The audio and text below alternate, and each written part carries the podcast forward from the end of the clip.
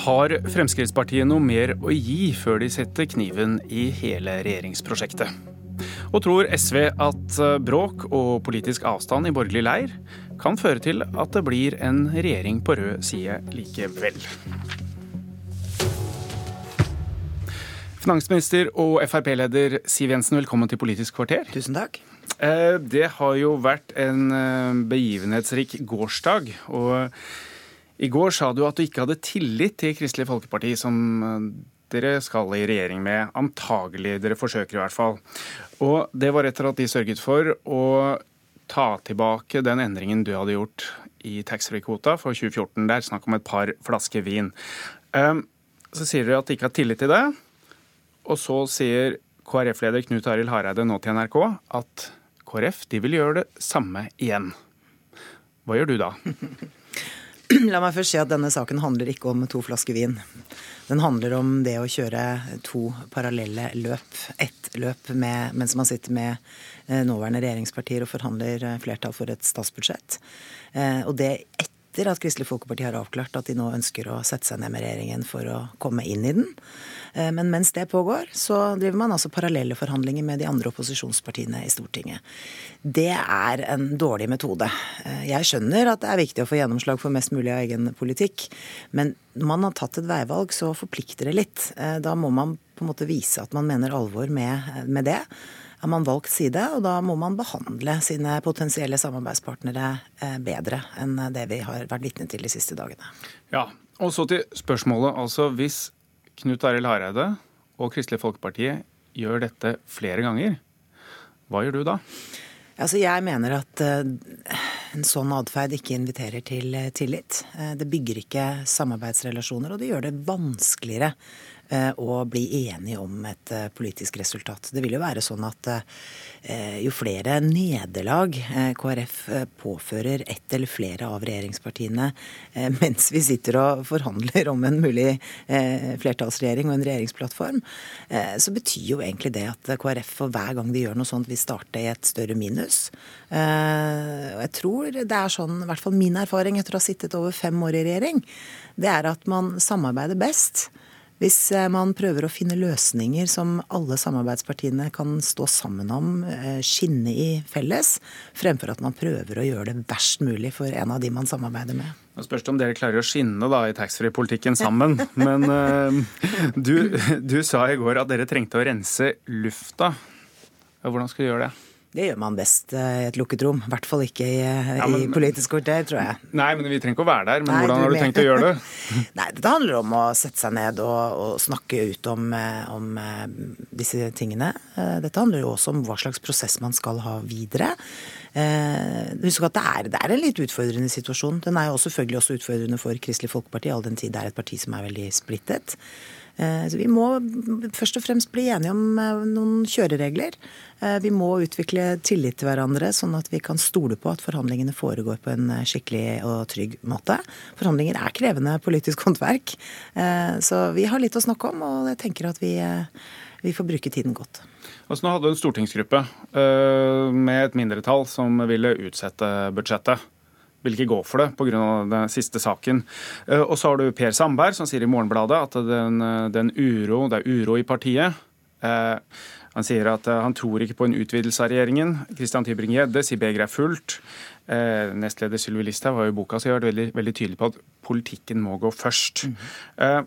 Gjør denne uroen at du kan ha mindre å gi i de budsjettforhandlingene som kommer etter hvert? Altså de regjeringsforhandlingene som i praksis danner ramma for de neste to-tre budsjettene? Jeg er eh, helt enig med Sylvi i at eh, dette handler om politikk. Eh, alle de forhandlingene vi har hatt, både når vi satt på Sundvolden og når vi satt på Jeløya, har for Fremskrittspartiet handlet om politiske gjennomslag. Og så må man veie helheten. Hva har vi måttet gi for å få? Eh, er det tilstrekkelig? Kan vi stå i dette? Fordi at når man sitter i regjering, så har man ansvar for alt. For helheten, for hver eneste lille ting og store ting man gjør.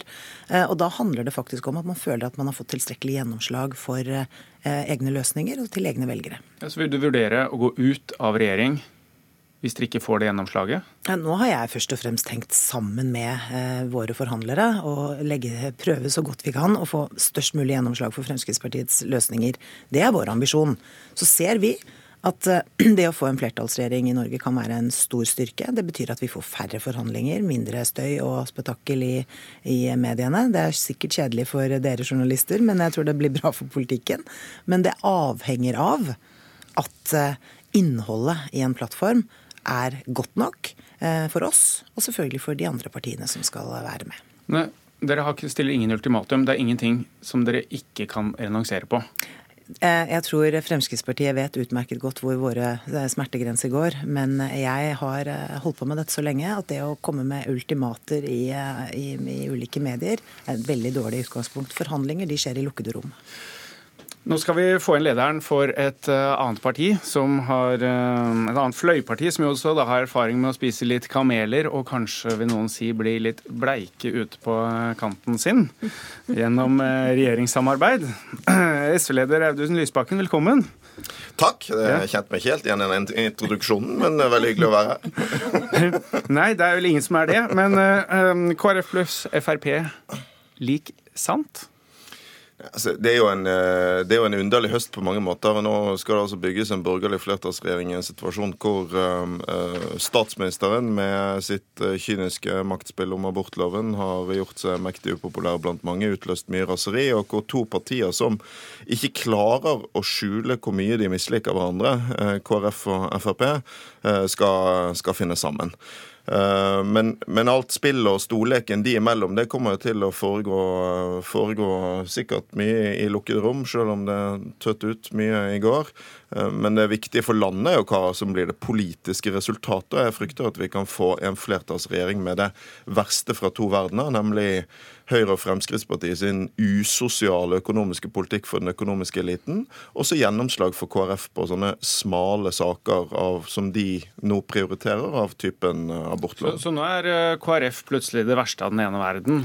Dere er jo åpne for å få dem over? Det, virker jo som om flertallet i KrF tok et tydelig valg. At den typen saker, gjennomslag rundt abortloven f.eks., var viktigere enn det de ville få til sammen med venstresiden, nemlig en mye kraftigere innsats for bekjempelse av fattigdom både hjemme og ute. Eh, en snuoperasjon i klimapolitikken. Nå går de altså inn i en regjering som eh, og budsjettforliket viser at de ikke får gjort noe med det. Rigger skattesystemet for den økonomiske eliten og for økte forskjeller. Som eh, privatiserer, og som fører en klimapolitikk som nærmer seg det skandaløse. Budsjettet tar altså, skriver åpent at vi er på kurs mot å bryte Norges klimamål både i 2020 og 2030. Så, så høyrefløyen i KrF som vant, har jo tatt et veldig tydelig retningsvalg.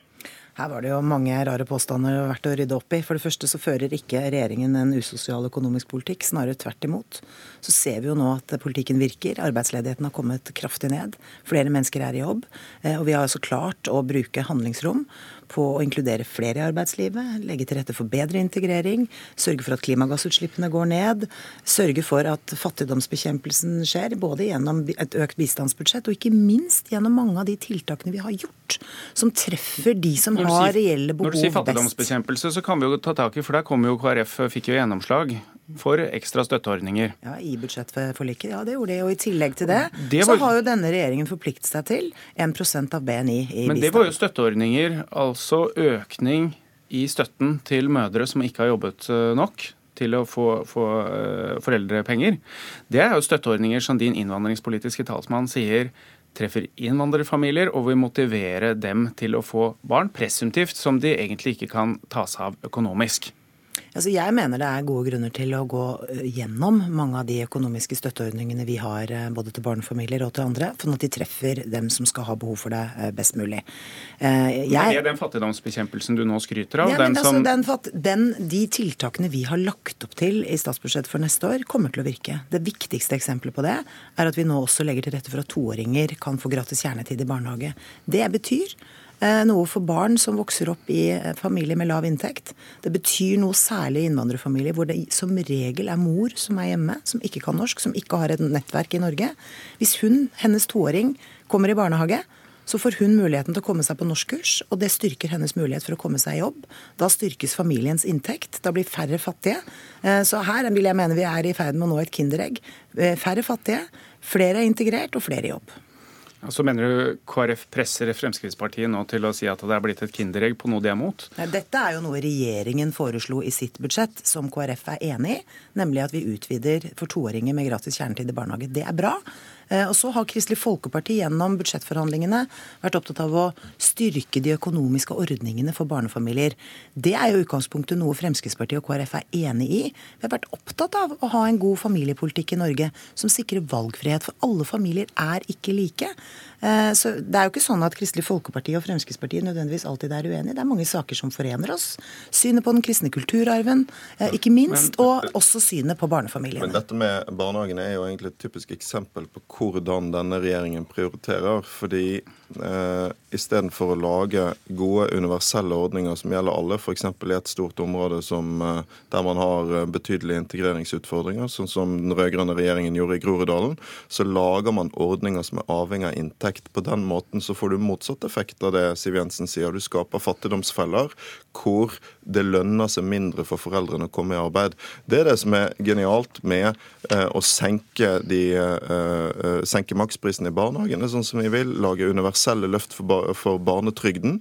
Det har jo KrF nå heldigvis kommet et stykke på. Det var veldig bra i dette budsjettet. Men fordeling det gjør du hvis du både styrker de fattigstes økonomi, og samtidig sørger for at de som har mest, må bidra mer til fellesskapet. Den mest omfattende formen for kontantstøtte Stiv Jensen driver med, er jo den til den økonomiske eliten i dette landet, som får null skatt på arv, stadig lavere skatt på formue. Eh, I dette budsjettet er det altså sånn at eliteprofilen på skattepolitikken er så grov at du egentlig må ha en formue på over 10 millioner kroner for å virkelig begynne å merke noe til skattelettene. Men altså, programleder, dette her med respekt å melde feil. Nei, det, det er altså sånn at en gjennomsnittlig familie vil med dette budsjettforslaget og det vi har gjort tidligere, ha fått over 11 000 kroner i skattelette. Det er penger som merkes, kanskje særlig for helt, altså familier med helt vanlig økonomi. Men man må jo Jeg syns jo vil advare folk. De burde lese SVs alternative statsbudsjett. SV går altså inn for å skjerpe skatter og avgifter neste år med 21,5 milliarder kroner. Det er jo å hente 21,5 milliard ut av lommebøkene på folk flest, på bedriftene våre, og det vil ikke være noe bidrag. Så har jeg lyst til å si i forhold til dette spørsmålet om universelle ordninger. For det, er jo, det der er jo ren villedning. Fordi, fordi, det er helt riktig at vi vil øke skattenivået, men det vil vi gjøre for de som har mye. For mennesker som tjener under 600 000 kroner, så vil de fleste få mye større skatteletter med vårt budsjett enn med ditt. Men dere foreslår å skjerpe med 21,5 milliarder. Helt ubetydelige skatteletter til vanlige folk. Mens i, i dine år som ja, men mindre skatt for vanlige folk. Og, og det er jo det som er viktig. Og mer skatt for de rikeste. Dyrere å kjøre bil. Mer penger i lommeboken for vanlige folk. Mens du har gitt folk, som, folk med en inntekt på over 10 millioner kroner tre dere, dere, kommer, dere, kommer, ikke aldri til å bli enige om skatt, det skjønner vi. Men det er en ting som jeg lurer på, om du som erfaren fløypartimann kan si noe om. KrF vil jo snu seg mot Jonas Gahr Støre hvis, du, hvis de får uh, tommelen ned i dette regjeringssamarbeidet nå. Tror du det motiverer Siv Jensen til å spise ekstra kameler ute på sin fløy og sørge for at Knut Arild Hareide ikke fortsetter som partileder i KrF og går til eh, Jonas Gahr Støre i stedet og danner en regjering på venstresida? Jeg, jeg, tolker mye av det som har skjedd de siste dagene som posisjonering fra flere partier før disse forhandlingene. Eh, så tror jo jeg at eh, når KrF har tatt det valget, så er det sannsynlig at de, eh, de lykkes med å gå inn i en regjering. Men det virker jo ikke som om kamelappetitten er så veldig stor, verken i Frp eller KrF. Så de får, de får ha lykke til med det. Det vi skal gjøre, det er å utfordre regjeringen og KrF på politikk. Jeg skulle jo ønske at KrF ville stå sammen med oss istedenfor Fremskrittspartiet i spørsmål om skatt og fordeling. Men hvis de tar det valget, så er det de gjør, og da kan vi bare love de én ting, og det er tøff og tydelig opposisjon og grunnlag for et nytt flertall ved første og beste anledning. Velgerne skal i hvert fall være veldig glad for at vi fikk et budsjettforlik som sikrer bilistene forutsigbarhet. SV har altså nå foreslått i sitt alternative budsjett å avvikle selskapet Nye Veier. Stoppe motorveiprosjekter som er under utbygging. Redusere og skjerpet kraftig på bilavgiftene. Jeg mener det vil være en forverring. Siv Jensen til slutt, eh, bare for å ta hva som er de viktigste tingene. Taxfree-kvoter eller flyktningkvoter? Nei, som jeg sa helt innledningsvis, dette handler ikke om to flasker vin. Dette handler om å oppføre seg ryddig i forhandlinger mellom partier, og derfor har vi sagt ifra. Takk til deg, Siv Jensen og Audun Lysbakken. Dette var Et politisk kvarter, og jeg heter Trond Lydersen.